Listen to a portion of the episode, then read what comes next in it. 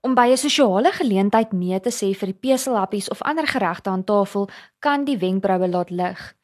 Bernardine Douglas gee in vandag se onderhoud raad oor hoe om sulke situasies te hanteer. Nou binne dien Suid-Afrikaners eet graag. Sê jy dan by 'n geleentheid of dit nou 'n Kersete of 'n jaarendfunksie of een of ander ander geleentheid is, sê dan nee vir die peselappie of die tweede skeppie word daar gefrons. Wat is jou raad aan mense wat juis gesonder probeer lewe en hoe hanteer 'n mens so 'n situasie?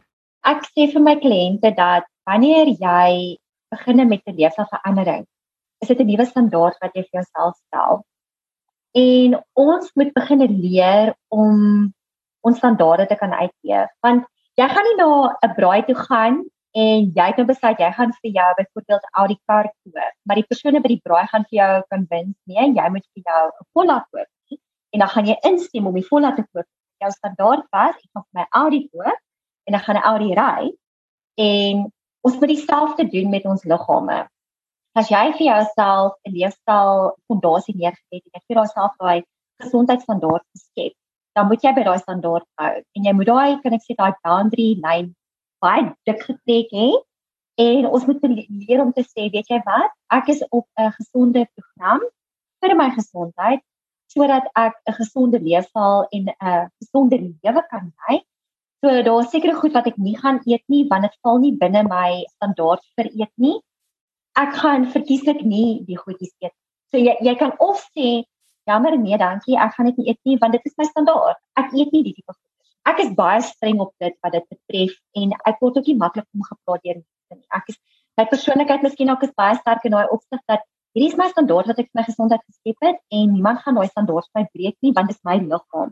Dit is my gesondheid. Ek mag sê nee.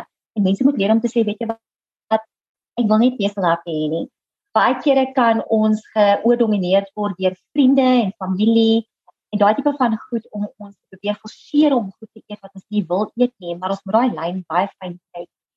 As dit nie werk nie, die enigste ander opsie is om te sê ek sien nou honger. As jy nie honger is nie, gaan jy nie wil eet nie.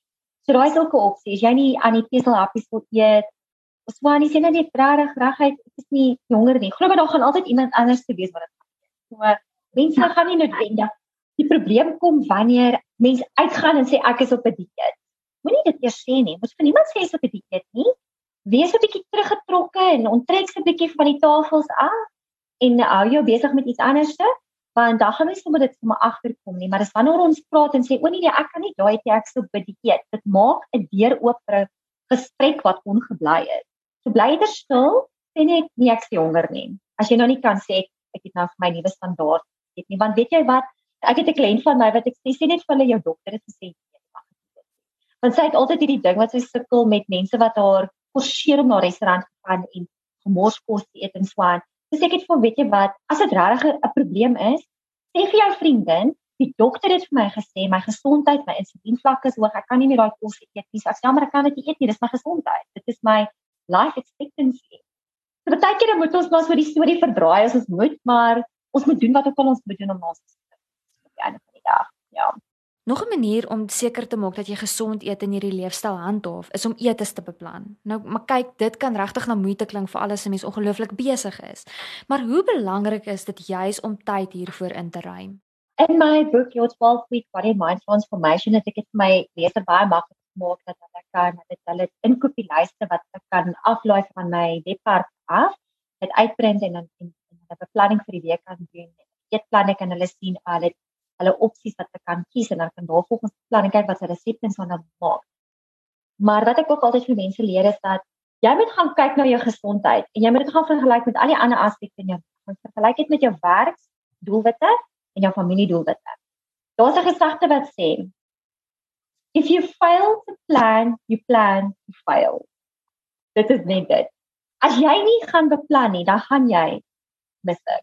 So net soos jy op 'n werks projek werk en jy beplan om daai deadline van jou te maak en reg alles in jou werk in te sit om om daai projekte voltooi en jy beplan om dit te laat seëvier, hoekom sal jy nie dieselfde doen vir jou gesondheid nie wat eintlik soveel meer belangrik is? Aan die einde van die dag kan 'n werksprojek nie voltooi as jy siek is of as jy ongesond is of in die hospitaal lê met hartprobleme. So dit is so ontsettend belangrik om jou eetes te beplan. Die probleem het ingekom wanneer ons nie meer beplan nie. Wanneer ons nie gaan sê, "Oké, okay, dit is wat ons vir die week wil eet. Dis wanneer ons familietyd gaan hê. Ons gaan as 'n familie op die tafel sit en ons gaan die kossies eet en ons gaan daai kwaliteit tyd met mekaar spandeer." Daai het weggeval. Want almal is so gemaklik geraak met gerieflikheidskos en en on the go food en hardloop gou hier by die restaurant in of 'n takeaway plekkie in. Maar dit is hoekom mense so oorgewig en gesond is. Ons moet terugkeer na ons roots toe waar ons as familie om die tafel gesit het en daai sterk ongelukkige plan het. Maar as jy wil gesond wees en jy wil op jou doelgewig wees, moet jy ongelukkig beplan. Al die dae gaan kom, gaan nie van self net gebeur as ek dit nou so plat aan kan stel. Wanneer 'n mens kos jou eetes voorberei en beplan, dan maak 'n mens ook seker dat dit gesond is. En dit bring my by die volgende vraag en dit is: moet 'n mens weet hoe om kosetikette te lees en waarvoor kyk jy dan? Dis nogal 'n ding wat ek ook my kliënte en my lesers leer is dat uh, vandag as jy in 'n supermark instap, dan is dan word jy gebombardeer met al die verskillende blikkies kos en pakkies kos en die, die goedjies en daai hmm. goedjies. Die maklikste om te weet wat jy moet koop is jy moet die kos kan identifiseer. Jy moet die pakkie kan optel en sien, "Ah, kyk kan dit eet. oh, broccoli, ek kan dit eet. Of slaaiblare, ek kan dit eet. As jy dit nie kan identifiseer en jy moet begin 'n label lees, dan dan is dit 'n kommerwekkende storie. Want enigiets met 'n label in gaan baie keer 'n preserveermiddel vat om sy rakleeftyd langer te maak. Maar wat ek mense leer om na te kyk is, jy kyk na jou koolhidraat inhoud. Baie van die labels sal sê is of total carbohydrate of met carbohydrates, maar wat jy wil doen is jy wil kyk na wat is die koolhidrate per porsie en onthou die porsie gaan nie noodwendig die porsie wees wat jy gaan eet. So as jy dubbel of triple daai porsie gaan eet wat die porsie sê, dan moet jy dit maal 2 of maal 3 wat die koolhidrate sê. Ek sal dit vir almal kyk altyd vir 5 gram carbs per 100 gram. As dit meer is, dit is dan moet jy weet, a a. Nou die ander belangrike ding is buite die koolhidrate hoeveelheid van die van die produk, is moet jy gaan kyk wat is jou ingredients, jou bestanddele. En jou eerste 3 bestanddele gaan vir jou gewoonlik sê waar die meeste van die produk uit bestaan. En dis daar suiker daarin is in daai eerste eierdene soos 'n kunsmatige suiker soos maltitol of dextrose of aspartame, daai tipe van goed. As daai eerste 3 gelys is, kan jy dit maar gerus terug sit op die rak want jy weet dit van die, die meeste daai meerderheid van die produk bestaan uit daai uit van wat die voedselvervaardigers doen is hulle lys die dominerende ingrediënt bestanddeel eers. Hmm. So die ene wat die meeste in die produk voorkom gaan heel eers gaan. So dis die een ding. Maar die lekker ding is met my boek gaan jy nie blikkies en pakkies kos koop nie. Jy gaan regtig vars produkte koop. Vars groente, vars slaai, vars vleis, alles is vars. Benedien het onlangs 'n boek geskryf, Your 12 Week Body and Mind Transformation, nou buiten vir die eetplanne en die emosionele welstand waarop jy fokus, fokus jy ook op oefening. Kan jy dalk iets vir ons sê oor jou benadering tot oefening? Ja, weet jy, as ek die woord oefeninge vir my vrouens noem, dan rek hulle oop groot want dit is 'n baie hartseer woord vir baie mense. Mense die gedagte van oefening is dat mense verskriklik baie van af. Maar laas jaar toe ek en my uitgewer gepraat het, het hy my gesê dat daar's 'n baie vrouens wat graag wil oefeninge doen, maar hulle skaam om by 'n gym aan te sluit of oefeninge te gaan doen. Deesdae sien ek daar op al die klein oefenplekkies uit wat net vir vrouens is. Hulle doen group training, as ek dit nou sou kan sê. Maar wat ons gedoen het is ek wou oefeninge ingesit het vir die vrou wat by die huis wil oefen, maar wat maklik is vir. En ook het ek vir mense met beserings soos skouer, heupprobleme, rugprobleme. Ek het strek en rustige oefeninge wat ek in die boek gesit het, heel en hoofstuk 1 wat hulle kan doen net om hulle net 'n bietjie te help om al my pyn te verlig. Ek sal dit natuurlik voorstel met 'n beeg baie kineties is. Ek ek weet nie die Afrikaanse woord sê nie maar hulle moet 'n hulle moet 'n professionele persoon wat kan help met posbeserings.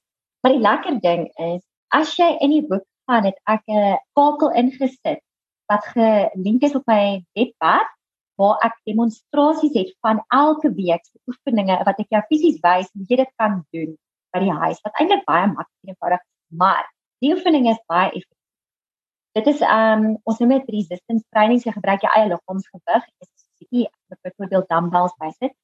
Dis iets wat dit opsioneel is vir die leser. So dis nie moet nie, maar ek sal wel vir mense aanbeveel doen net darm iets.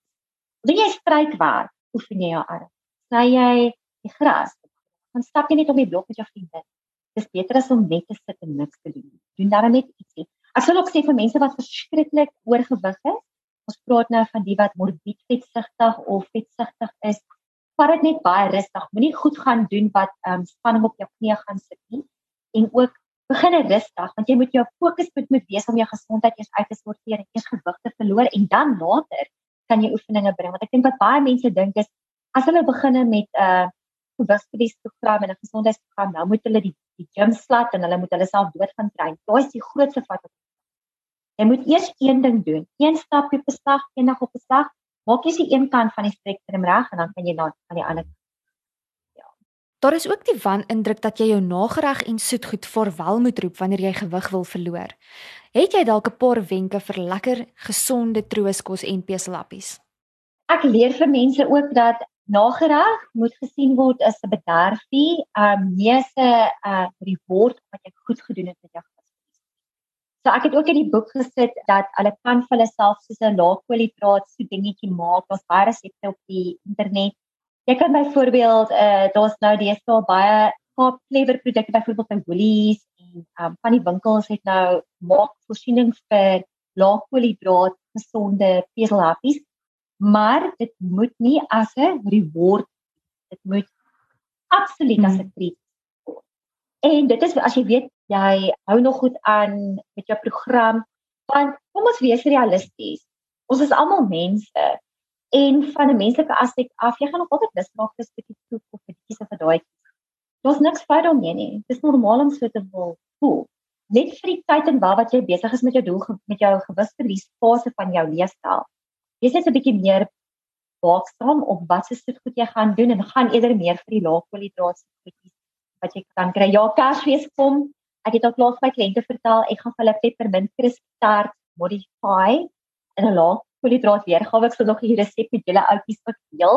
Miskien dan kan julle dit deel met die met Marula lesers. Maar dis hulle many ways sien ek dit.